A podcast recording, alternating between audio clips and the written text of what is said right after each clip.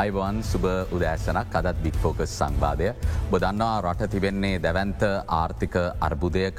ඒ ආර්ථික අර්බුදයේ රෝගලක්ෂණ තමයි අපිට දැනමින් පවතින්නේ මේ පෙට්‍රල් පෝලිම්වලින් ඒ විතරක් නෙමේ විදුලි කප්පාදු කිරීම් තුළින් අපි මුහුණ දෙන අපහසුතා තුළින් අපි මේ අර්බුදයේ රෝග ලක්ෂණ විදිමින් සිටිනවා. නමුත් අර්බුදයේ හේතුව මොකක්ද මෙවැනි අර්බුදයකට රට පත්වීමට හේතුුණු කාරණා මොනාද කියන සාකච්ඡාව ඉදිරියට ගෙන ඇද්දි. ආර්ථිකය සම්බන්ධයෙන් මත පල කරන විද්වතුන් කියන මේක අද ඊයේ ආරම්භ වෙච්ච ප්‍රශ්නයක් නෙමෙයි.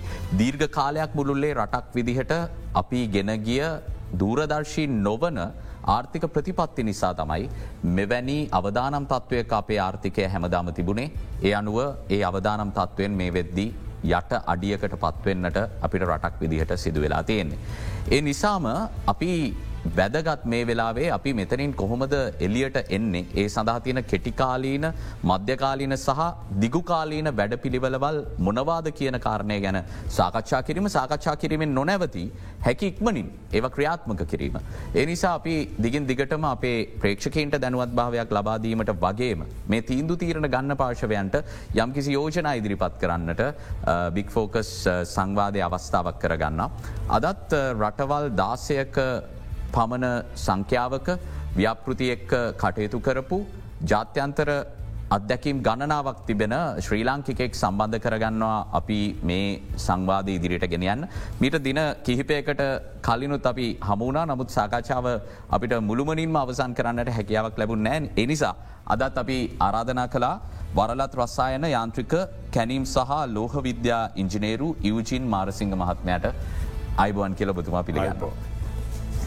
දැන් රටක් විදියට අපින්න ආර්ථික අර්බුදයට හේතුව මාරසිංහ මහත්මයා ආදායම් වියදම් අතර ලොකු පරතරයක් තියන රාජ්‍යාදායම සහ වියදම අතර ගත්තත් දේශය වශයෙන් විශාල පරතරයක් හැමදාම තියෙන අයවැය පරතරය. එතනි neහාට ගියත් අපි බාහිරංශය ගත්තර පස්සේ අපනයන ආදායම සහ ආනයන වියදම අතර විශාල පරතරයක් තියෙන වියදම වැඩි ආදායමට වඩා බොහෝසෙයි. එහින්ද අපි ආදායම් උපදවා ගැනීම රාජ්‍ය ආදායම ඉහළ නංවා ගැනීම කියන ශේෂත්‍ර ගැන හැකික්මනින් අවධානය යොමු කළ යුතුව තිබෙනවා. ඔබ කියනවා ඔබට යෝජනා තියෙන ඔබ ඒ යෝජනා ඉදිරිපත් කරන්න කැමති කියලා. අපි කතා කරම් මොනවද යෝජනා කියලා. හොඳයි. දැම් මේ හැම කෙනාම අපේ දේශපාලකොත් විද්වතුත් මේ ප්‍රශ්න ගැන සාකච්ඡා කරනවා දෙගින්දිකටම නමුත් මට පේන්නේ නෑ යම් කිසි පලදායි ක්‍රමවේදයක් යෝජනා කරනවාද කියලා. අපි බලමු දේශපාලන පක්ෂ. අපිකම ආණ්ඩු පක්ෂේ ඒගොල්ලඟ කියනවා අරයා කරා මෙයා කරා මෙයා කරා ඒක හිදතුව මේ මුන්නේ පෞගේ ආණ්ඩු මේ ආණ්ඩු අපි ඉති ඒවගෙන් සත පහක දැන් ඇති වැඩක් නෑ. අපි ගොතොත් අනික් දේශපාලන පක්ෂ දෙක විවක්ෂනායකතුමා ගැන මං අවුත් මං කරනවා. එතුව අනිත්ත කැන කියනත් මං අවුත් මං කරන. ඉතින් දෙව අලුතෙන් පත්වීම් ලබනවා මේ ආණ්ඩුවේ. ඒගොලත් කියන්න අපි කරමු. නමුත් ඒගොල්ලන්ගේ ඒ යෝජනා මොනවද? ඒගොල්ලන්ගේ ක්‍රමයවේදේ මොකක්ද මේ අර්බුදයට කියන එක තාම අපිටන දැනිල්ල නැමත් දන්න ඒ පුද්ගලයින් ආණ්ඩුවට කිව්වද කරමත් අපිට නං එක දන්නේ නෑ. අපිට එක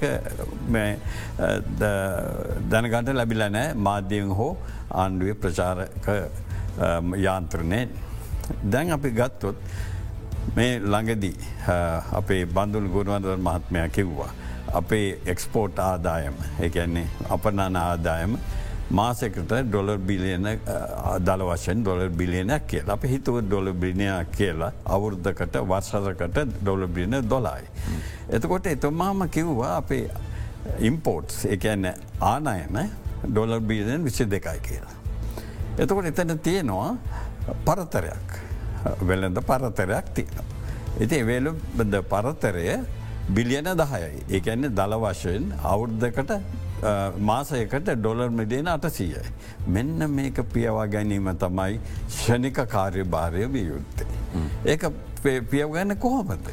නමුත් එතුමා ඒ වෙළඳ ශේෂය හිගේ දක්වන්නේ මංහිතන්නේ විදේශ ප්‍රේෂණ සහ අපිට ලැබෙන සංචාරක ආදායම් වගේ දේවල් නැතුව අපනයන ආදායම ගැන විතරක් කියලා යනුව ඔය ඩොල මිලියන අටසියටත් වඩා පමණ කඩුවෙන්න්නට පුළුවන් අපිට අවශ්‍ය සංඛ්‍යාමකද ප්‍රේෂණ යම් ප්‍රමාණයක් ලැබෙමින් තියෙනවා සංචාර්ක ආදෑම නහුගක් පහත වැටිලදී. පැහැදිලි.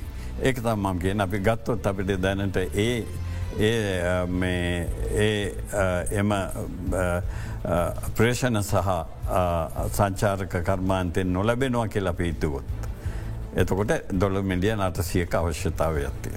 එහෙමනම් ඒ වගේම අපි කල්පනා කරකොට ඒක අතීතයට ප්‍රක්ෂේපනය කරනකොට අපිට හොයාගන්න පුළුව අපිට දැනෙනවා අපිට අබෝධ කරගන්න පුළුවන් සංචාර්ක ව්‍යාපාරයෙන් ඩොල බියන හතරක පහක ආදෑම ලැබුණා. ප්‍රේෂණ වෙලමුත් ඒ හා සමාන ආදෑම ක්‍රමණය ඒ කියන්නේ හතක් පමණ ලැබ. එතකොට ඒ කියන්නේ ඒ දෙක ශක්තිමත් කෙරුවොත්. අපිට මේ ෂණික අර්බුදය විසඳා ගැනීම හැකි අවත් තියෙන. නමුත් මේවා ශක්තිමත් කරන්න රජය හෝ විපක්ෂ හෝ කතා කන බව මට නම් පේන්නේ. එකන්නේ අපි මොන්නම ආකාරය වුණත්. ආකාරයකෙන් උනත් මේ ප්‍රේෂණ ගෙන්න්න ගැනීමේ යම්සේ දිරිදීමානාවක් හරි දිල වෙන රටවල්ල දෙනවා. දීලා මේ පරිෂන්සි අපි ලබාගන්නුවන්. මහ බැංකු අධිපතිවරයාගේ මතය ගැන මට ප්‍රශ්න කරන්න ඕනේ ඔබගෙන්. එතුමා කියන කාරණය තමයි. දැන් මේ විදේශ රැකියාවල නිරතවන පිරිස මුදල් එවන්නේ ඔන්ගේ පවුලේ නඩත්තු කටයුතු සඳහා නැත්නම උන්ට නිවාසයක් ඉදිකර ගන්න උන්ට වාහනයක් ගන්න ඔවුන් ගිල්ල වැඩ කල් එවන වේතනය තමයි මෙතැන්ට එන්නේ. එතකොට අපි ඔවුන්ට යම් කිසි ආකාරයක දිරිදීමනාවක් ලබා දෙනවා නම් මේ ලබා දෙන්න ඕනේ රජයේ බදු ආදායමි. මෙහෙ අපි හොයන සල්ලිවලින් ගෙවන බදවාදායමින් අපි පිටරට රැකයා කරනයට දිරිදීමනා ලබා දෙන්නට මුදල් වෙන් කරන්නට ඕනේ. එය එසේ විය යුතු නැහැ ඒ තමයි මහබැංකු අධිපතිවරයා දරණ මතය. ඒක එතුමා ආර්ථික විද්‍යාත්මක හරියන්න පුළුවන්. නමුත් අපි මෙ කොහොමද ගෙන්න්න කෙන ප්‍රායුගක කල්පනා කරන්නට. එතැන් ලොකු ගැටුමක් තියනවා. එකන ප්‍රායුගකව මේගොල එන්න එවා නත්තන් අපි මොකද කර. අපි බලෙන් ගන්න බෑ ඒ නිසා අපි හිතවනොත් අපි හිතනවන්නන් අපි ඒ ගැන හොඳින් කල්පන කල් බලනවා ඉඩමක් වගේ. ඒ වගේ උදාහරණයක් මේ කියන්නේ වෙනත් සෑහෙන දේවල් තියෙනවා දෙන්නට මේ දිරිදිම්මන වශයෙන්.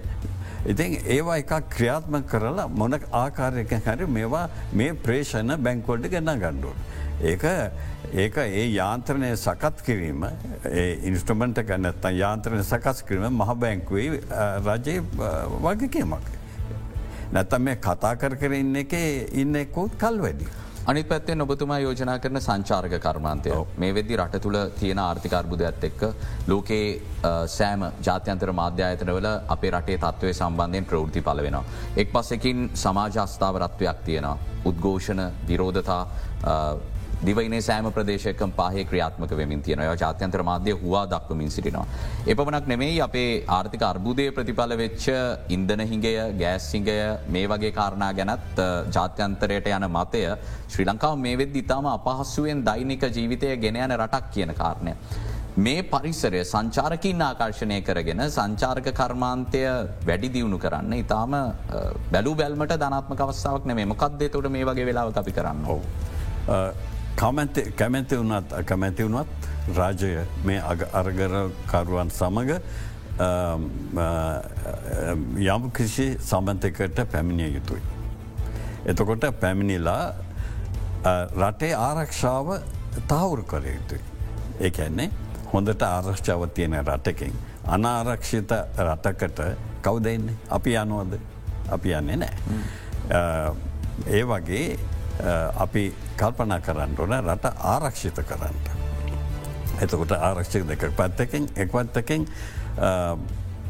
එහෙම කරන ගමන් සංචාරයකට කන්ඩිවසු ඒකන්නේ ඒගොලන්ට මේ සුදුසු පරිදි රටේ සම්පත් පරිවර්තන කරන්න. එතකොට ප්‍රථමදේ ආරක්ෂාව කෙනෙක් ආරක්ෂාව නැත්තන් අපි වනත් ඒ රටකට හෝ ඒ යම්සි ක්‍රියාව අපි දෙන්න.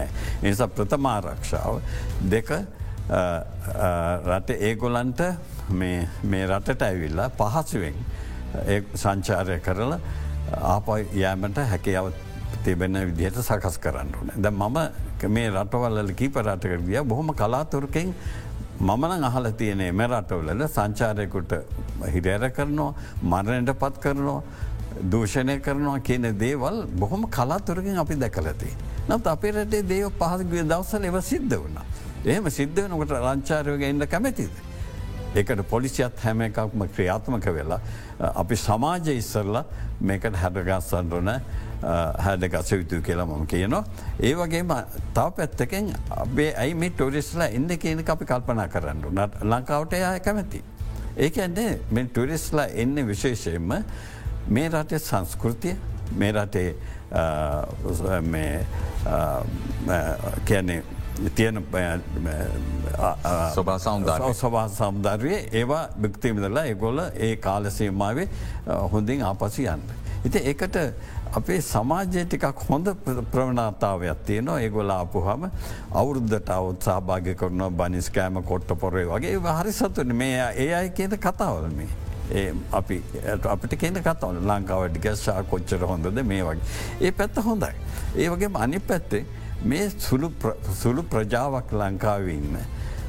ලංකාවේ දියුණට අකමැති ප්‍රජාවක් කරන මේ ටොරිස්ලට එහමනැත්ත මේ සංචාරයකට කරන හිරියාරණ මැත්තියයුතුයි.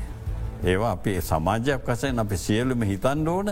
ටොයිස් කියන්න අපිට ඒගොල්ල ඒක ඩිරෙක්් ඉන්වස්මට ඒකන කෙලින් අපිට සල්ලියනවා.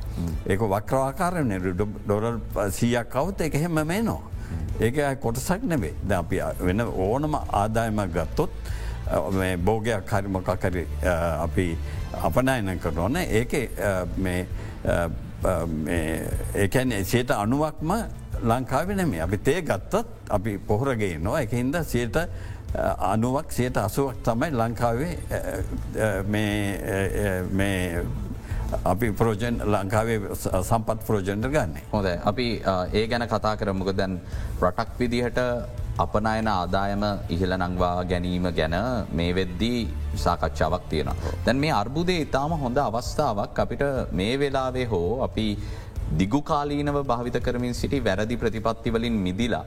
හරිදේ මොකක්ද කියල තේරුම් අරන් එතන්ට යන්න. දැන් ආනයන ඊය මත යැපෙන ආර්ථිකයක් වෙනුවට. අපනයනය පදනම් කරගත්ත ශක්තිමත් ආර්ථිකයක් වෙත අපි ආයුතුයි කියන එක තමයි සියලුම දෙනාගේ බලාපොරොත්තුව. හැබැයි අපි කොහොමද එතන්ට යන්නේ මොනාද අපිට අවධානයට ලක් කරන්න පුළුවන් අලුත් ශේෂත්‍ර අපි ඇගලුම් කර්මාන්තය සහ මේ බෝග කිහිපයක් මත පදනම් වෙලා ඉන්නට වඩා අලුත් විදිහට අපි අගේ එකතු කරලා අපනයන ආදාය මිහල නංවා ගන්න තියෙන ක්‍රමවේද වනාද. අපේ සම්ප්‍රදායික අපනයන බෝග තේරබර් පොල් මේ දැන් ඒ කර්මාන්තය වැටිල තින තත්ත්වෙන් ගොඩ ඒමට විශාල කාර්භාරයකටු කරන්න වෙනවා.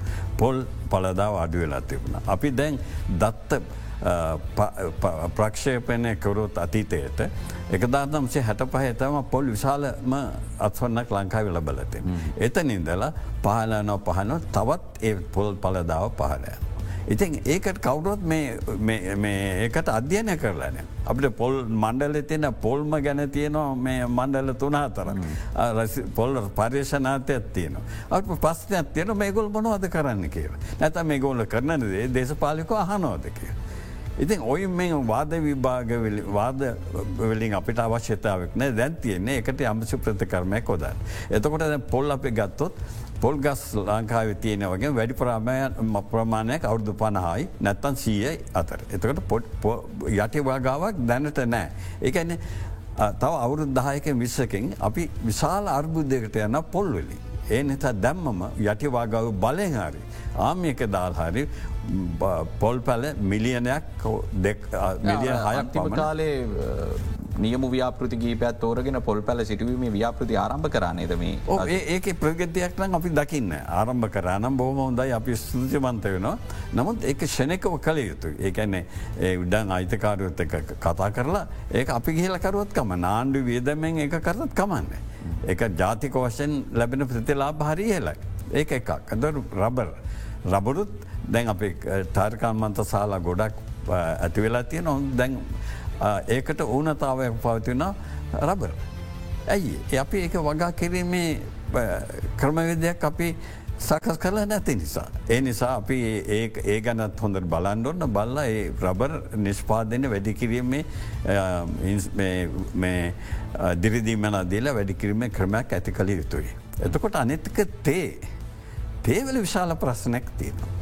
තේ බල පලදා වඩු වෙලා තියෙන අපි අරම ඉස්තලකිවේ දත්ත ප්‍රක්ෂේපනයකරුව පොහොර ප්‍රශ්නය මත පදනම් වෙලා පොහොර ප්‍රශ්නය මත එකක් විශාල වශයෙන් ඒක එකක්. අනිත් එක තමයි තේ බලාගෙනීම එකෙන් අපි පුද්ගලී කරණය කිරීමෙන් අපිට ඒ තරම් මේ තේවලට සත්කාරය අඩු වෙලා තියන. එකැන පුද්ගලි කරනු කම්පනී ඒගොල බලාපොරොත්වවෙන්න ආදායම්ම පමණයි.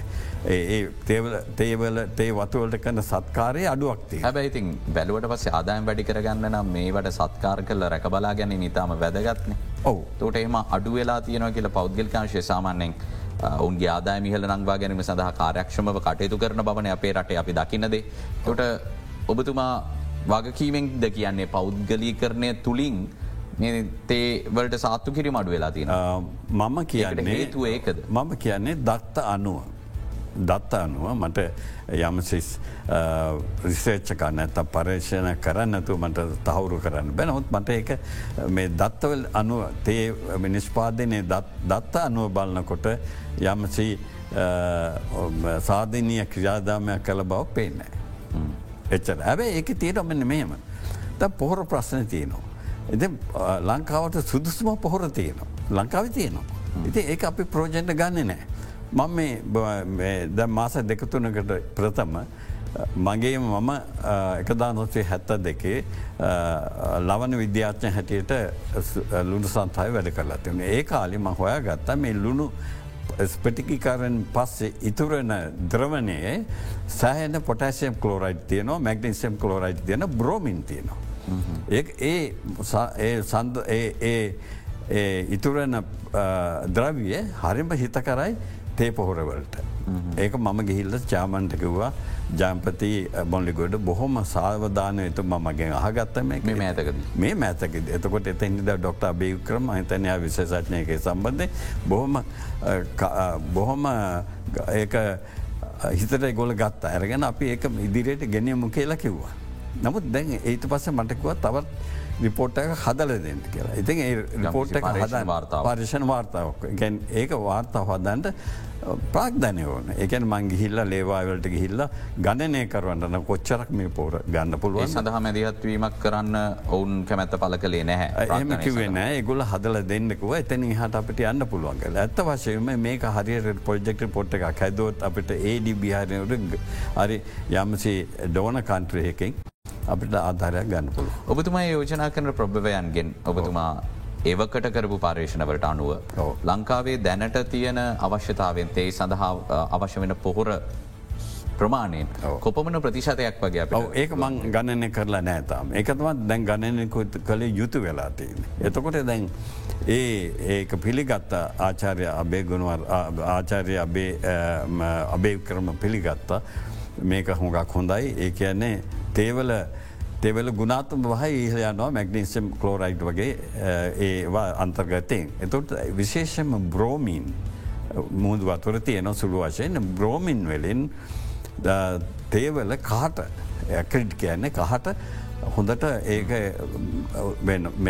ඒක වර්ධන වෙනවා. කහට රස වැඩි රස වැඩියන කහට රස වැඩියුණවා එක වර්ධන වෙනවා. ඒ නිසා ඒ වගේම බ්‍රෝමින් ඇතිවීමෙන් නහරවල තියෙන අපේ නහර ආටිරිස් කලොග් වෙන ඒවහෙම නැතු යන්න. ඩ ඒක හොඟක් හොඳයි එනිසා අපිට ඒ පොහොර දමීමෙන් විශාල ප්‍රෝජ්ජනක ලැබෙනවා.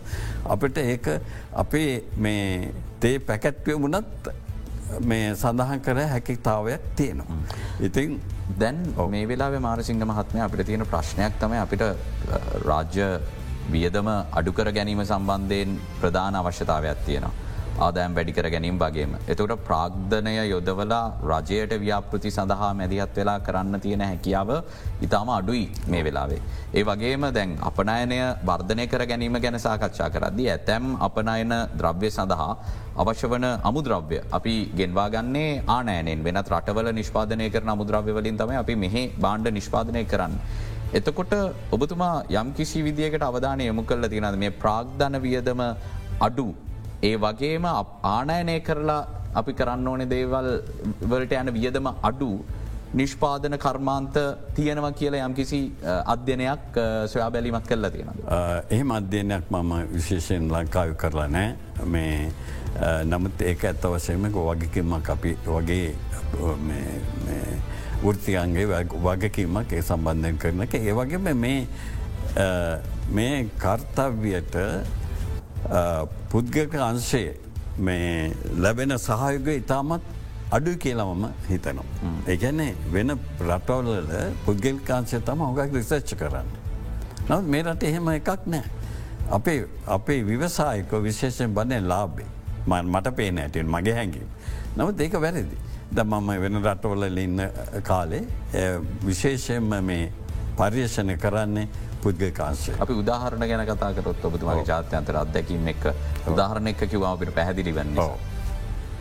මොනවගේ උදාහරණ අපි රටවල්ල පුද්ගලිකාංශය මැදිහත්වීම මෙන්න මේ වගේ පර්ේෂණ සිදු කලා කිය අපිට කියන්න පුළුවන් අපි ගත්තොත් අපි ගත්තොත් ඇමරිකාව ගත්තොත් ඔය පුද්ගලික හොස්පිටල් ජෝන් හොස්කින්ස් ෆෝස් හොස්පිටල් වගේ ඒවා.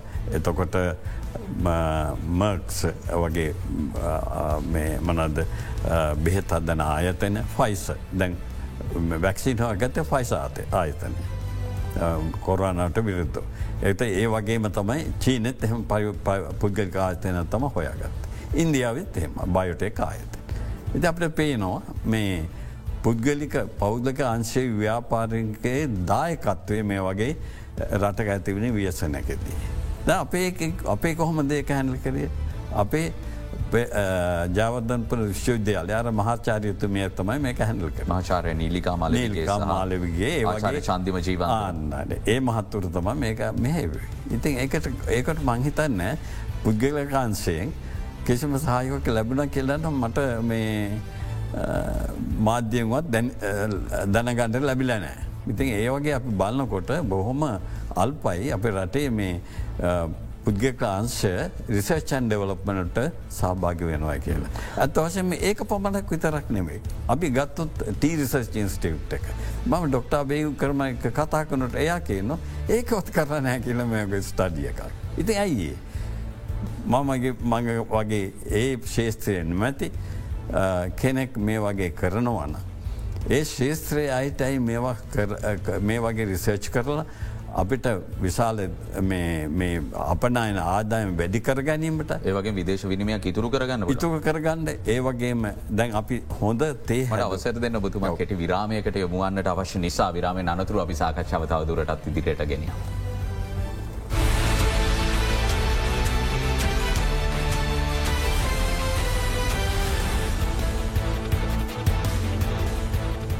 ඉංජිනේරු ඉවජීන් මාරසිංහ මහත්මයත් එක් අපි අද සාකච්ඡා කරන්නේ එතුමා රටවල් ගණනාවක සේවය කරලා ලබාගෙන තියෙන අත්දැකීම් වලට අනුව ලංකාව මේ මොහොතේ මුහුණදී සිටින ආර්ථික අර්බුදයෙන් ගොඩේම සඳහා මොනවගේ දේවල්ද රටක් විදිහට අපේ රජයට පුරවැසියන්ට බුෘතිකයන්ට කරන්න හැකියාව තියෙන්නේ කියන සාකච්ඡාව අපි සිදු කරමින් සිටියේ. අපි තවතුරටත් කතා කරදි මේ දේශීය අමුද්‍රව්‍ය මත වැඩි වශයෙන් වැඩි බරක් දීලා අපිට අපනයන ආදායමක් උපයා ගන්නට පුළුවන්. කර්මාන්ත ගැන අපි යොමුුවෙන් ඕනි කියන කාරණය ඔබතුම සඳහන් කර අපි තවදුරටත් ඒ ගැන කතා කරනන මොනවදේවගේ කර්මාන්ත කොහොමද අපිට කරන්න පුළුවන්. ඔව.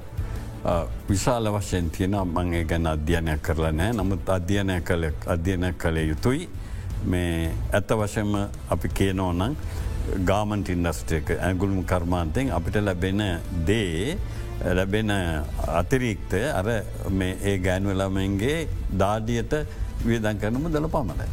ඒකන ඒක වැලි ඇඩිෂන් එච්චර අපිට ලැබෙන් එකන බිලියන් 1 බිලියන් ඩොලස් වලට අපි ඇරියොත් ගාමන්ස් එකන්නේ නිමයන්දුම් ඒකෙන් අපිට ලැබෙන සියට උපරම සීට දහයක වටම් ප්‍රමාණක් තම ලැබෙන්නේ.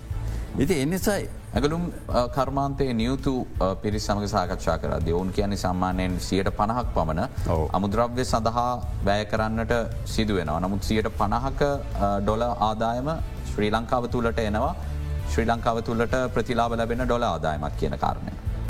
ඒක මට ඒක මම අධ්‍යාන කළ යුතු ඒ හරිද වැරදිද කියලා. එකන්නේ අපි ගත්තොත් මැසින්ස් එතකොට රෙදි නූල් ඒ හැම එකම පිටරලින්ගේ නො මෙහ අදන්න එතකොට අපි බලනකොට අපිට ලැබෙන්නේ චයට පණහක් අපිට තියාගන්න බෑන්නේ මේ සේවක පඩිනන්ඩි මැනෙජ්මන්ට ඒටිකට ඔන්න සියට දාය පහලෝක ප්‍රමාණයක් වෙන්න පුළුව. කොහමුණත් ඒ ඒ ආදායම ශුද්ධ ලෙස රට තුළට එන ඩොල ආදායමක් සීට පණහක පමණ ප්‍ර ඩොල ආදායමකෙන් ඒ හරි. ඒක වෙන්න පුළුවන්. ඉති ඒක අධ්‍යානයක් කළ යුතුයි. නියම විදිහට ප්‍රකාශයක් කරන්න. ඒ අනුව ඔබතුමා තවදුරටත් සඳහන් කරන එකක් තම මේ සේවා අපනයන සේවා ආර්ථිකය කොහොමද අපි අවධානය යොමු කරන්න ඕන කියන කාරණය අපි ඒ ගැනත් කතා කර. ඒක විතාම වැදගත් කාරණයක් අපි හුඟක් මේකට පමවුන වැඩි ද අපි කිව්වොත්තේම අපේ රටේ සෞඛ්‍ය සේව ඉතා ඉහළ මට්ටමක තියෙනවා. අපිට ඇයි අපි කියවමු ලංකා හොස්පිටි කියල උදාහරණයක් වශයෙන්. ලංකා හස්පිටල් එක අපිට බ්‍රාංචි එකක් ඇයි අපිට අරින්ඩ බැරි ඇෆ්‍රිකන් කන්ට්‍රීස් එකක් නැත්තං ලාවොස් කම්පුච්චය වගේ රටක අපිට කරන්න බැරි අයි. ඒක උදාහරණයක් වශයෙන් කිව්වොත් අපේ ජනාධිපතිතුමා ලේකම් වශයෙන් ඉන්නකොට ආරක්ෂක ලේකම් වශයෙන් ඉන්නකොට සීමෙඩ් කියලා හොස්පිටල එකක් හැදවා සුඩානේ ඒක ඉතා සාර්ථකව මාසතුන අතරක දීවර කරලා අපේ ආමිකයි ඩොක්ටසල තමයි වෛද්‍යවරුතමා පාලන කර. ඉති ඒ වගේ අපිට පුළුවන්. අනික් රටවලලත් ඒ විදිහේ අපිට ආයතන අපේ බ්‍රාංච සරෙන්ඩ පුළුවන්.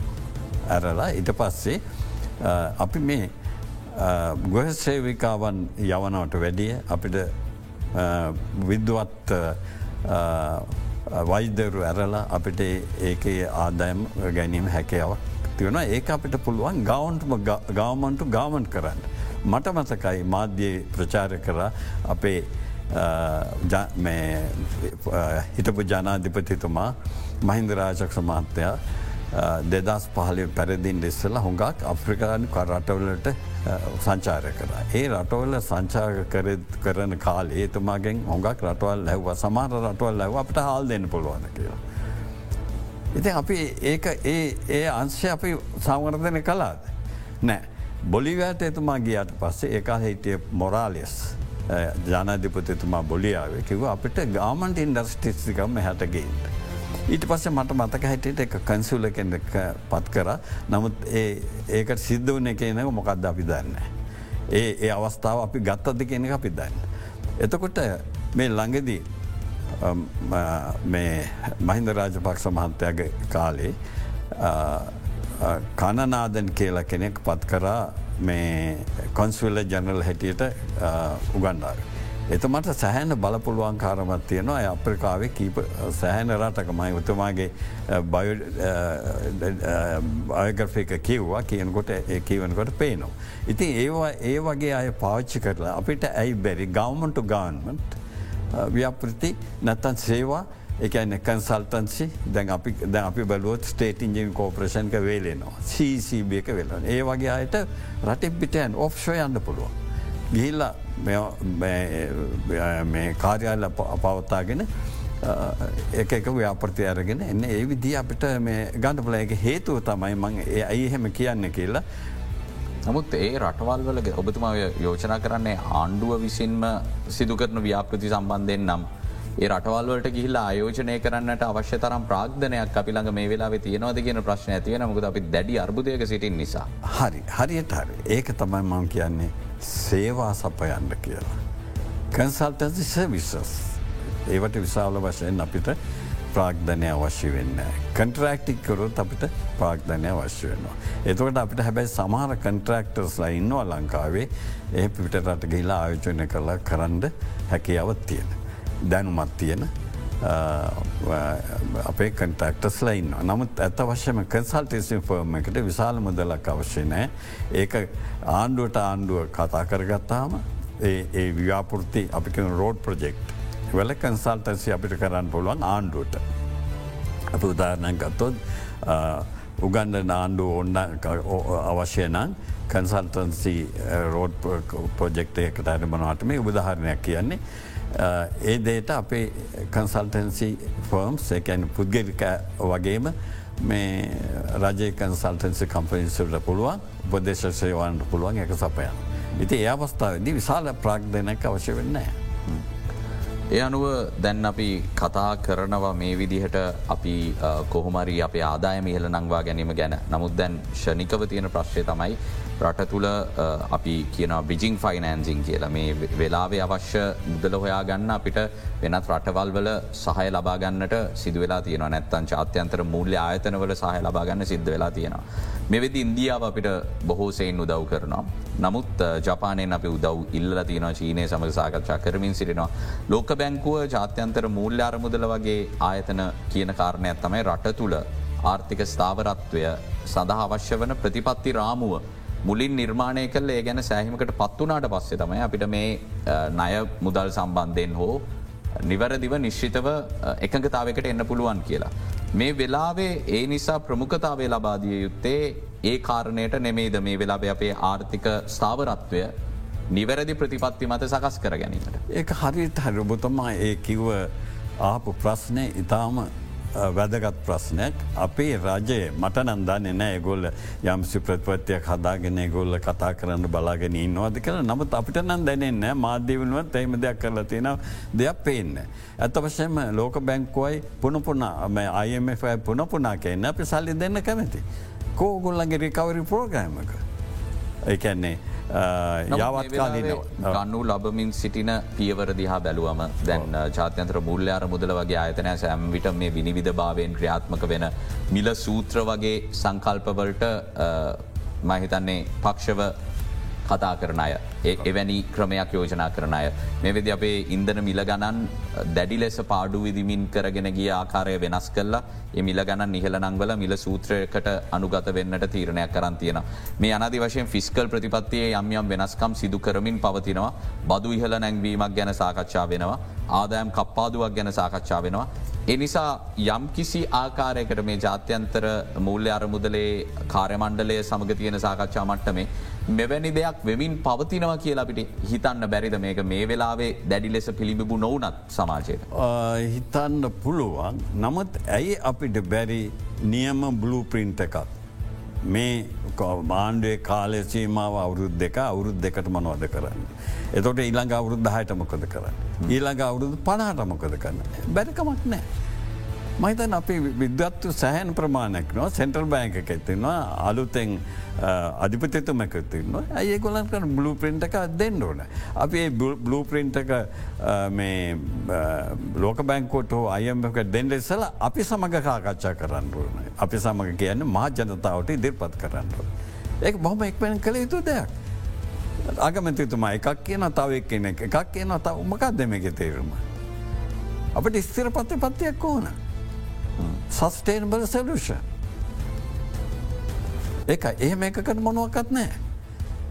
අපි ඔබන අගමැතිතුමාව එතුමා කියනම ලබන සුමානතුන බොහොම අමාරු කිය. ඔය ඔය ගදේ කියන්න අපට අගත අලුත් අගමැතිතුමයි ඕනද. අපි දන්න ඕනඒක මේ වෙලාවේ බොහෝ විට අපිතනොද එතුමාගේ ප්‍රකාශය ගැන ඔය ප්‍රශ්නය අපිත් නගත්දී.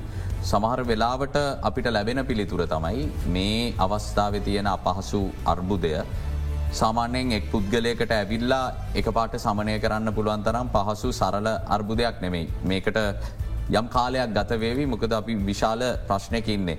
දැන් අපේ රටේ දිගු කාලයක් තිස්ස කරගෙනගේ තවකාරණයක් නේ මාරසිංහ මත්මයා ජනතාවට ඇත්ත නොකියන එක ජනතාවට අපි යම් කිසි දෙයක් සඟවලා නයමත පදනං වෙලා අපේ ආර්ථිකයේ පමණ අපි දන්නෙත් නෑ අපි වියදම් කරන්න පුරුදු වෙලා හිටපු පිරිසා.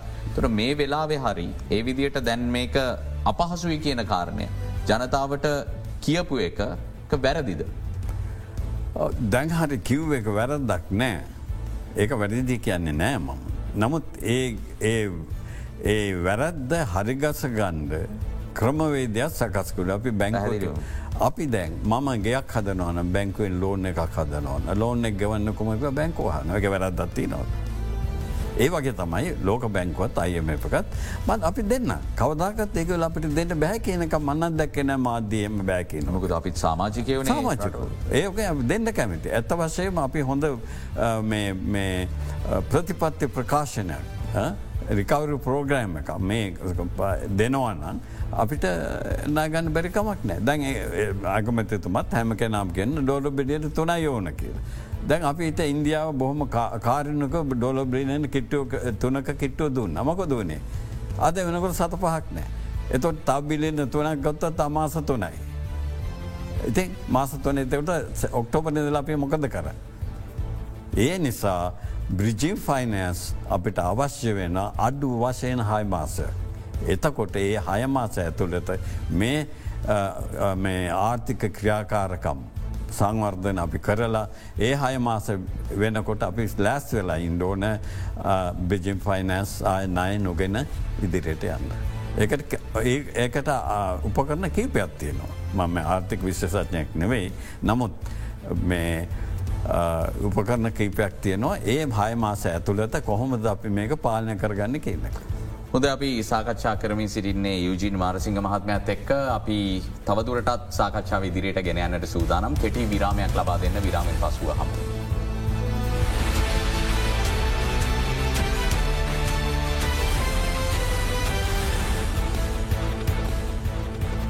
ද අපි ග්‍රාමී ආර්ථිකය ගැන කතා කරද්දි අපි බොහෝවිට අපි දැකල තියෙන මේ රටේ ආණ්ඩූස් මේ ස්වයං රැකයා වලට ඔවුන් යොමු කරන්න එත්තක ඔවුන් මේ වන විට කරගෙන යන කර්මාන්තවලට යම් කිසි ආකාරයක දිරිගැන්වීමක් කරන්න සෑම අයවැය යෝජනාවකින්ම ඉදිරිපත් කරන බොහොම ආකර්ශණීය යෝජනාය සඳහා මුදල් වෙන් කරනවා. නමුත් අවසානයේ අයවැය වලංගු අවුරුද්ධ ඉවර වෙලා බැලුවට පස්සේ කොයි තරම් ප්‍රතිලාබ ලැබිල තියෙනවාද කියලා මේ යෝජනා ක්‍රියාත්මක වෙලා තියනද කියලා. බොහෝ යෝජනා ඒ අයවැය ලේකනයට විතරක් සීමවෙච්ච යෝජනා තම අපි දැකල් තියෙන්. මේ ග්‍රාමීය ආර්ථිකය දියුණු කරන්න මේ නගරයෙන් පිට කොළඹින් එපිට තියෙන ආර්ථිකය දියුණු කරන්න. මොනවද වෙන රටවල් ග්‍රාමී ආර්ථිකය සම්බන්ධයෙන් කටයුතු කරන ආකාරයෙන් අපිට ඉගෙන ගන්න පුළුවන් මොනවද ඒ රටවල් පාවිචි කරන සංකල්ප. බොහෝ දේ ගණ ගන්න පුළුවන් ඔබතුමා වගේ ඔබතුමා කිව් වගේ මේවා සේරම ඔය යෝජනා එකක්වත් ක්‍රියාත්මක වෙලා නෑ අලි ප්‍රශ්න විශාල වශයෙන් තියනවා ඒක කිසිම ප්‍රතිකර්මයක් කිසිම ආණ්ඩුවක් කරලා නෑ ඒක හැම කෙනාව චන්ද ගුණ්ඩුවක් වශයෙන් පාච කල තියන බව පමණයි පේන්නේ. නමුත් වෙනත් රටවල සෑහන වැඩ කොටස කරලා තියෙන්. මං උදාහරණයක් ගන්න. කැම්ඩන් ඒඇන්නේ ඇමරිකාවේ නිවියෝක් නගරේ ඉඳලා කිලෝමීටර තුන්සියක් කාර්සියක් ඇත තියෙන ගම්මානයක්. එති මං එතන අපේ තිබුණා මේ ඇක්‍රයිලු නයිටරයිල් ප්ලාන්ට එකක් එකන ආටිෆිෂල් වූල් හදන ප්ලාන්ට එකක් මයිතුන ඉන්දුනිසය එන්නකොට එහි ගිය මොකද ඉන්දුනිසය වගේ ව්‍යාපෘතයක් කරා. ඒ නිසා හෙ බලන්න ගිය. බලන්න ගිය වෙලායි මම දැක්කා හෙක්ටයාර් තුන් හරදහක් ප්‍රමාණක සම්පූර්ණ මේ ධානයෝගා කරලා තියනවා. වීට් එකන්නේ තෙරුග වගා කරලා තියනවා. ඉතින් ඒ අතර තිර තියෙන කුඩා නගරයක්. ඉති මඟ හවසට නිකං ඉන්නකොට. මගේ වගේ වයසේ ඒ ඉන්න අයගෙන් කතාවට වැටල ම මේ විතිහාසය ඇහුව. අහනකොට ඒ ඉඩං සේරම අයිති ඒ ගම හිටිය මිනිස්සුත්. දැයි ආණ්ඩුව කරලා තියෙන වැඩේ ඒ ගම හිටිය මිනිස්සුන්ගේ ඉඩං ඉඩං එහෙම තියෙද්දී නගරයක් නිර්මාණ කරලා තියෙනවා. සිටි විලේච්ච එකක් නිර්මාණය කරලති. නිර්මාණය කරලා ඊට පස්සේ මල්ටිනශනල් කම්පනිස්වල ඇත්තන් ලොක කම්පනිස්වලට ඉන්වයිට් කරලා හෙක්ටර් පුංචි පුංචි ගේල් තිබෙන කඩලා එක්ටර් තුන් හාර දහයම තෙනුවාගා කිරීම ව්‍යාපෘතිය කළ දෙක අවුරුදු පණහ කළ සිය කිරමත රිස්සරලා. ඉතින් මේ ඒක කරනකොට අර දවන්ත සමාගෝ මේ ගොලන්ට කුලියක් ගෙවන බින් කුලියක් ගෙවන එකට. එතකොට ඒ වගේ ඒ ඒ සමාගමේ වැඩ කරන්න පුළුව මේ අයට. ඉතින් මේගොල ඒක වැඩ කරනවා බිංකුලිය අවුරුදු පතා ලැබෙනවා. ඒ නිසා මේ ඒ මහුජා ඒ විශාල සමාගමට අවශ්‍යතාවයක් නෑ මේ තියෙන කැලේලි කරන්න. අප එහෙම තියනවා දැන් අපි ගියොත්තම අනුරාධපුරහෙමේ පුංචි පැල්පත්තිී. ඉති එමනිසට මේ කොළඹ අපි තට්ටුගල්ද හදල දෙනවාගේ තට්ටුගයක් හදලා ස්කෝලයක් හදල අම්පසය කුඩා නගරය හදන්න පුළුවන්. ඒගැන රුපියල් බිලියන තියක් විතර වෙනකොට සම්පූර්ණ සිටි විලේචක හදන්න පුළුවන්. ඉතින් හදල ඉවරලා ඉට පස්සේ අර විදිහටම ක්‍රියාත්ම කරන්න පුළුවන්. ඒ වගේම ඒක පුළන් කෝපරටව සොසයිට එකක් මාර්ගයෙන් කරන්න. එහෙම නැත්තන් පුද්ගලිකන්සේ සම්බන්ධ කරගන්න පුළ තෙන් සම්බන්ධ කළ විශාල වශයෙන් අපි බීවාගා වන්නත් අපි විශාල වශයෙන් වගා කරන්න පුළුවන්. එතකට වගාකරුවන්ට මේ කුලියක් ලැබෙනවා. එතකොට සාමාන්‍යයෙන් ඒගොලන්ගේ කෑමට යම්සි ප්‍රමාණක වෙල්ලිය කම්පේ නොතකට වී විකුණලා එන එක ලාභය කොටසක් ඒගොල්ලන්ටවා. ඒ විදිේ ක්‍රමයද්‍ය සකස් කරන්න පුළන් එහෙම ක්‍රම විද්‍යත්තම කැම්ඩනල සකස් කරලා තිබ. එති හරිම සාර්ථක ක්‍රමයක් ඒවගේ ටෙනිස දක්වා එහෙම පලත් තියනවා කියල ඒ අයි මට කතා කර. ඉතින් එය අතරතුර ඒ ළමයින්ගේ ගම හිටිය ළමයින්ට මේ රස්සාාව කරන්න යම්පිසි කර්මාතා ආරම්භ කරලාතින්. ඒක තම එක්කරමත ඇක්‍රයිලෝ නයිටරයි ප්ලාන්ට ආටිපිෂල් වූල් සදන්න වූල් හදන ප්ලාන්ටක ඒක සෑහන් කොටසක් හතුන් හරදක් වැඩ කරන්න පුළ විශාල ප්ලාන්ටක. එදැන් ඒ වගේ එකක් කරන්න පුළුව. ගමට එතකොට ඉන්ඩස්ට්‍රිකේ නො ගම දිවිනෝ නො එතකොට අරගුලන්ට ස්කෝල යන්ඩ ඕන්න කිලෝමීටර් ගන ස්කෝලයක් තියනවා. පොඩි ස්ප්‍රතාලයක් තියනවා එකැන රෝහල පුංච් කුඩා ප්‍රමාණය සෝහලත් තියනවා එතකොට සුපමාකත් තියනවා. ඉතින් එක හරි ලස්සන හරි අමාරි හරි ලස්සන ගම්මානයක් ගම්මානය නගරයක්. අපි ඉතින් අපි නොහිතපු දේවල් ගොඩක් තියෙන නො ගඩත් තියෙන ඉති මං මේ වගේ එක සකස් කරලා අපේ ජනාධිපතිතුමා චන්දඉල්ලනකොට දෙහිවලදී මම එතුමාගේ යාලයකට දුන්න මේක එතුමට දෙන්න කියලා. මක දුන්නත් දන්නෙත් නෑ මේ උගක් කාරණ මේවා. දුන්න. දුන්නත් දන්නෙත් නෑ. දුන්න එක බලන්න නැකරුවත් දන්නෙත් නෑ. අපි දන්නේ නෑ. අපි දන්නේ නෑ. හොදයි. ඔබතුමා අත්දැකීම් සහිත වෘතිකයෙක් වෙන නිසා ලෝකෙ බොහෝ රටවල්වලට ගිහිලා සේවය කරලා යළි ශ්‍රී ලංකාවට ඇවිල්ලා අදත්ද අපේ සාකච්ඡාවට සහභාගි වෙලත් ශ්‍රී ලංකාව සංවර්ධනය කිරීම ශ්‍රී ලංකාව ගොඩ නැගීම ගැන කතා කරන ඔබ හදවතින් ශ්‍රී ලාංකිකෙක්වන නිසා ඒ අනන්‍යතාවයට ආදරය කරන නිසා. ද අපි තරුණයන් ගත්තර පස්සේ මේ වෙලා රටයින් ඉතාම අපහසු අවස්ථාවක අපිට තිබුණු සිහින ටිකක් දුරයි කියලා අපිට හිතෙන්න්නට පටන් අරන් තියෙනවා තියෙන ආර්ථික වටපිටාවත් එක්ක. මේ වගේ අවස්ථාවක අපි රට ඇතුළේ ඉදං රට ගොඩගන්න වැඩ කළත් අපි වෙනුවෙන් වගේම රට වෙනුවෙන්. රටින් පිට ගිහිල්ලා අපි වෙනුවෙන් වගේම රට වෙනුවෙන් වැඩ කරන්නේ කොහොමද මේ වෙලාවෙ කොහොමද අපි ශ්‍රී ලාංකික අනන්‍යතාවය රැකගන්න මේ රටේ තරුණයන් විදියට මේ රට ගොඩගන්න පුරවැසියන්ගේ වගකී මිටු කරන්න.